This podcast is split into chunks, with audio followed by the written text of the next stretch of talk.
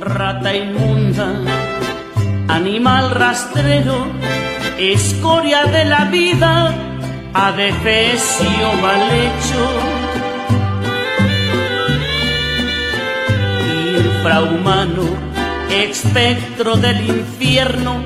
maldita sabandija, cuánto daño me has hecho.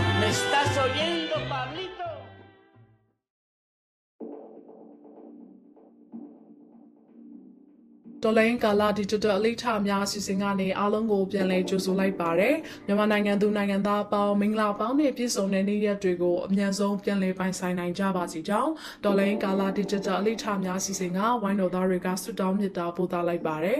Facebook post တွေဖြတ်အောင်တော့ သုံးနေကြဖုန်းတွေယူမလာနဲ့ content တွေကိုယ့်အတွက်အန္တရာယ်ရှိစေမဲ့ပုံတွေရှိရင်ဖြတ်သွားဒါတွေကစစ်ကောင်စီအာဏာလုပြီးနောက်ပိုင်းမှာကျွန်တော်တို့အပြင်ကိုထွက်မယ်သွားမယ်လာမယ်ဆိုရင်အမြဲတမ်းကိုယ့်မိတ်ဆွေတွေမိသားစုဝင်တွေကိုတတိပေးနေကြစကားတွေဖြစ်လာပါတယ်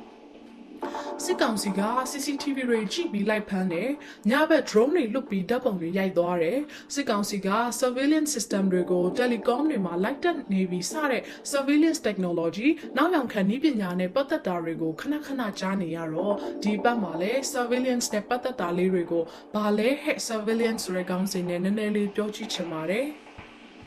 စစ်ကောင်စီကဘယ် technology တွေကိုသုံးနေလဲသူတို့တက် ထားတဲ့ CCTV တွေမှာဘာနည်းပညာတွေပါနေလဲဆိုတဲ့အသေးစိတ်အချက်တွေထက်သူတို့ရဲ့မဟာဗျူဟာဖြစ်တဲ့ digital အာဏာရှင်စနစ်တည်ထောင်ရေး concept တွေကနေစပြီးဆွေးနွေးကြည့်ချင်တာပါ နောက်ခံပိတ်ကားဖြစ်ကျွန်တော်တို့စပြီးပုံဖော်ကြည့်ရမှာကတကဘာလုံးကိုတုံလုံးခြောက်ချစီတဲ့အမေရိကကကပ္ပကုံသွေးရေးထားဖို့ World Trade Center ကိုလေယာဉ်နဲ့ဝင်တိုက်ခဲ့တဲ့9/11 attack လို့လူသိများတဲ့အကြမ်းဖက်မှုကနေစပြီးပုံဖော်ကြည့်ရမှာပဲဖြစ်ပါတယ်9/11 attack မတိုင်ခင်ကနိုင်ငံတကာနိုင်ငံရဲ့လုံခြုံရေးမှာအဓိကစိုးရိမ်ရတာက interstate based threat လို့ပြောရမယ်အခြားနိုင်ငံတကာနိုင်ငံကလာပြီးကျူးကျော်မှာလာပြီးတိုက်ခိုက်မှာကိုစိုးရိမ်စရာပဲရှိပါတယ်ဒါကတော့လူတိုင်းတွေးကြည့်လို့ရတဲ့ကိစ္စရပ်ပါဒါပေမဲ့9/11 attack နောက်ပိုင်းမှာတော့နိုင်ငံတွေရဲ့လုံခြုံရေးကိုဒီစဉ်းစားချက်နဲ့သွားပြီးဆင်ခြင်လို့မရတော့ပါဘူး။ဘာကြောင့်လဲဆိုတော့အခြားနိုင်ငံတစ်နိုင်ငံရဲ့စစ်တပ်တွေတွေမဟုတ်တော့ပဲ suicide bombing လို့ခေါ်တဲ့ကိုကိုကိုဘုံခွဲစတိခံဝန်တဲ့လူပုတ်ကိုတယောက်ချင်းတူးချင်းစီကပါနိုင်ငံတွေရဲ့လုံခြုံရေးကိုချင်းချောက်လာနိုင်တဲ့အထိဖြစ်လာပါတယ်။ အဲ့တော့နိုင်ငံလုံခြုံရေးကကျူးကျော်သူကာကွယ်ရေးဆိုတာထက်အများကြီးပိုကျယ်ပြန့်လာပြီးတော့တောင်ပေါင်းစုံကနေ omnidirectional လို့ဆိုရမယ်ဖြစ်လာနိုင်တဲ့ Android တွေကိုကြိုတွက်ရတဲ့ game ကြီးတစ်ခုဖြစ်လာပါတယ်။ America ရဲ့အမျိုးသားလုံခြုံရေး agency NSA က9/11 attack ကိုပြန်လည်သုံးသပ်ကြည့်တဲ့အခါမှာ agency နဲ့ American Cyber Command ရဲ့အကြီးအကဲဟောင်းဗိုလ်ချုပ်တူဖြစ်တဲ့ Keith Alexander က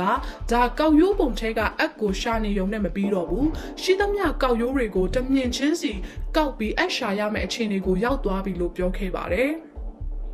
အဲ့ဒီကစပြီး American အစိုးရရဲ့ကောက်ရိုးကော်မရှင်က information တွေအကြီးကစုဝေးရဖြစ်တဲ့ cyberspace ဘက်ကိုအများကြီးဦးတည်လာပါတယ်။ cyberspace ဆိုတာက9/11အချက်မတိုင်ခင်ခေတ်တုန်းကပြည်သူလူထုကြီးစိုးတဲ့နေရာပေါ့။အဲ့ဒီတော့သူတို့ mission ကလည်း cyberspace ပေါ်မှာရှိတဲ့လူထုကိုစပြီးပြစ်မှတ်ထားလာပါတယ်။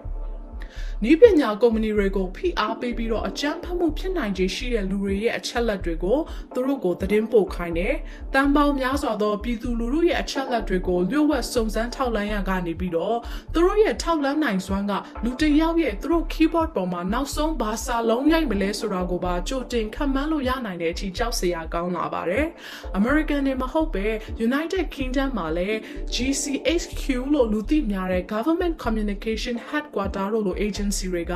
telecom တွေကိုဒေါ်လာသန်းပေါင်းများစွာမှတ်လုံးပေးပြီးသူတို့ရဲ့နောက်ယောင်ခံနည်းပညာတွေနောက်ယောင်ခံဆက်တွေနဲ့ပြည်သူလူထုကိုလျှို့ဝှက်စောင့်ကြည့်ဖို့အတွက်တက်ဆင်ခိုင်းခဲ့ပါတယ်။အဲဒီလိုလျှို့ဝှက် project တွေကပြည်သူလူထုရဲ့ privacy ကိုချိုးဖောက်ပြီးစောင့်ကြည့်ကြိုးကင်နေတဲ့အချက်လက်တွေကို Snowden ကဖွင့်ချပြီးတဲ့နောက်ပိုင်းမှာတော့အစိုးရတွေကအစင်ဆက်ထိန်းချုပ်ဖို့စ조사ခဲ့တဲ့အချုပ်ချာနယ်ပယ်တွေဖြစ်တဲ့မြေရီလေတို့လိုပဲ cyber space ဟာလည်းနိုင်ငံတွေကနေထိန်းချုပ်ဖို့စ조사နေတဲ့အဓိကနေရာတစ်ခုဖြစ်လာပါတော့တယ်။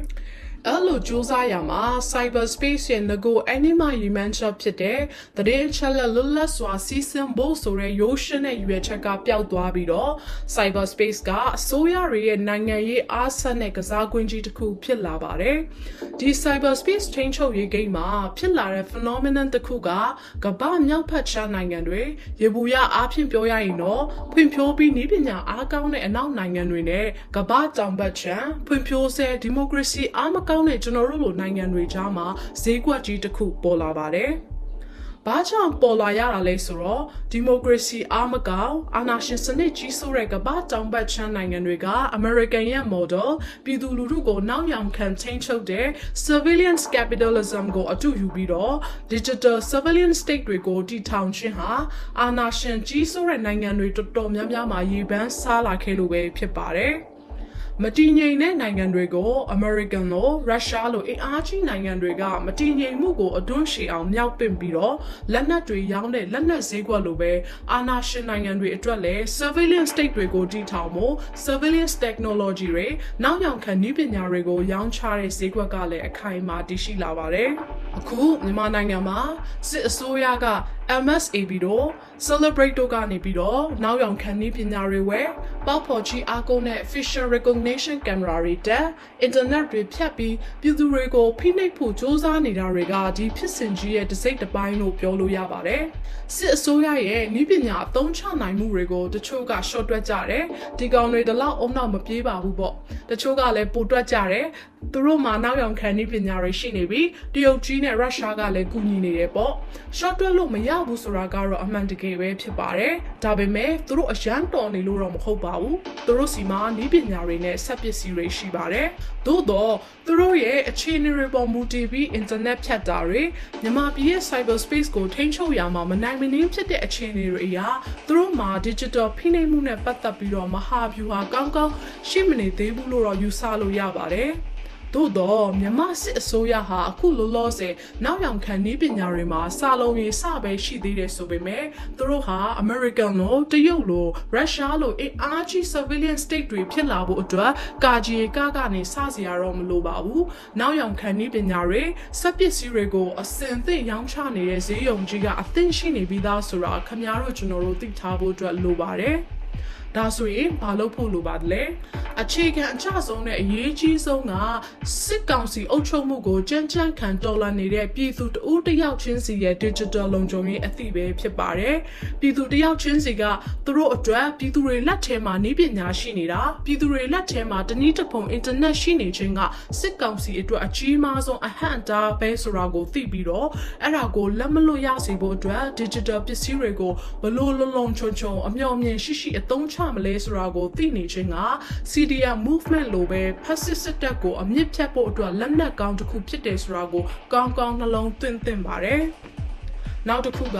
NUG တို့ CRPH တို့လိုအစိုးရအဖွဲ့အစည်းတွေနဲ့လူအခွင့်အရေးအဖွဲ့အစည်းတွေကစစ်ကောင်စီကိုနောက်ယောင်ခံနည်းပညာတွေကိုဖောက်ဖောက်တီတီရောင်းချပေးနေတဲ့အနောက်နိုင်ငံစည်းသည်တွေကိုစစ်အစိုးရလာဝယ်ရင်မရောင်းဖို့နဲ့တန်တမန်နီးလာတွေနဲ့ပြင်းပြင်းထန်ထန်တိုက်တွန်းသင့်ပါတယ်။ဒါတွေကတော့ဖြစ်နေတဲ့အခြေအနေတွေကိုတုံ့ပြန်ဖို့အတွက်နီးလန်းတွေပဲဖြစ်ပါတယ်။ဒါပေမဲ့ဖြစ်နေတာတွေကိုခုခံနေရုံ reactive action နဲ့မပြီးသေးပါဘူး။ရေရှည်စစ်ကောင်စီရဲ့ digital အာဏာရှင်စနစ်တိဆောက်ရေးကိုအချက်ကြကြနဲ့ပြန်လည်တုံ့ပြန်နိုင်ဖို့အတွက်ရေရှည် proactive action တွေလည်းလုပ်ဖို့လိုအပ်ပါတယ်။ပြည်သူလက်ထဲမှာ alternative technology လို့ခေါ်တဲ့ပြည်သူတွေကပဲတီထွင်ပြီးပြည်သူတွေကစီမံခန့်ခွဲတဲ့နည်းပညာတွေပေါ်ပေါက်လာဖို့အတွက်အရေးတကြီးလိုအပ်ပါတယ်။ alternative communication system တွေပေါ်လာဖို့လည်းလိုပါတယ်။ community mesh network လို့ internet ဖြတ်လိုက်ရင်တော့ telecom တွေကိုအားကိုးစရာမလိုပဲအချင်းချင်းဆက်သွယ်လို့ရတဲ့နည်းပညာတွေကိုနည်းပညာသမားတွေနဲ့ပြည်သူတွေက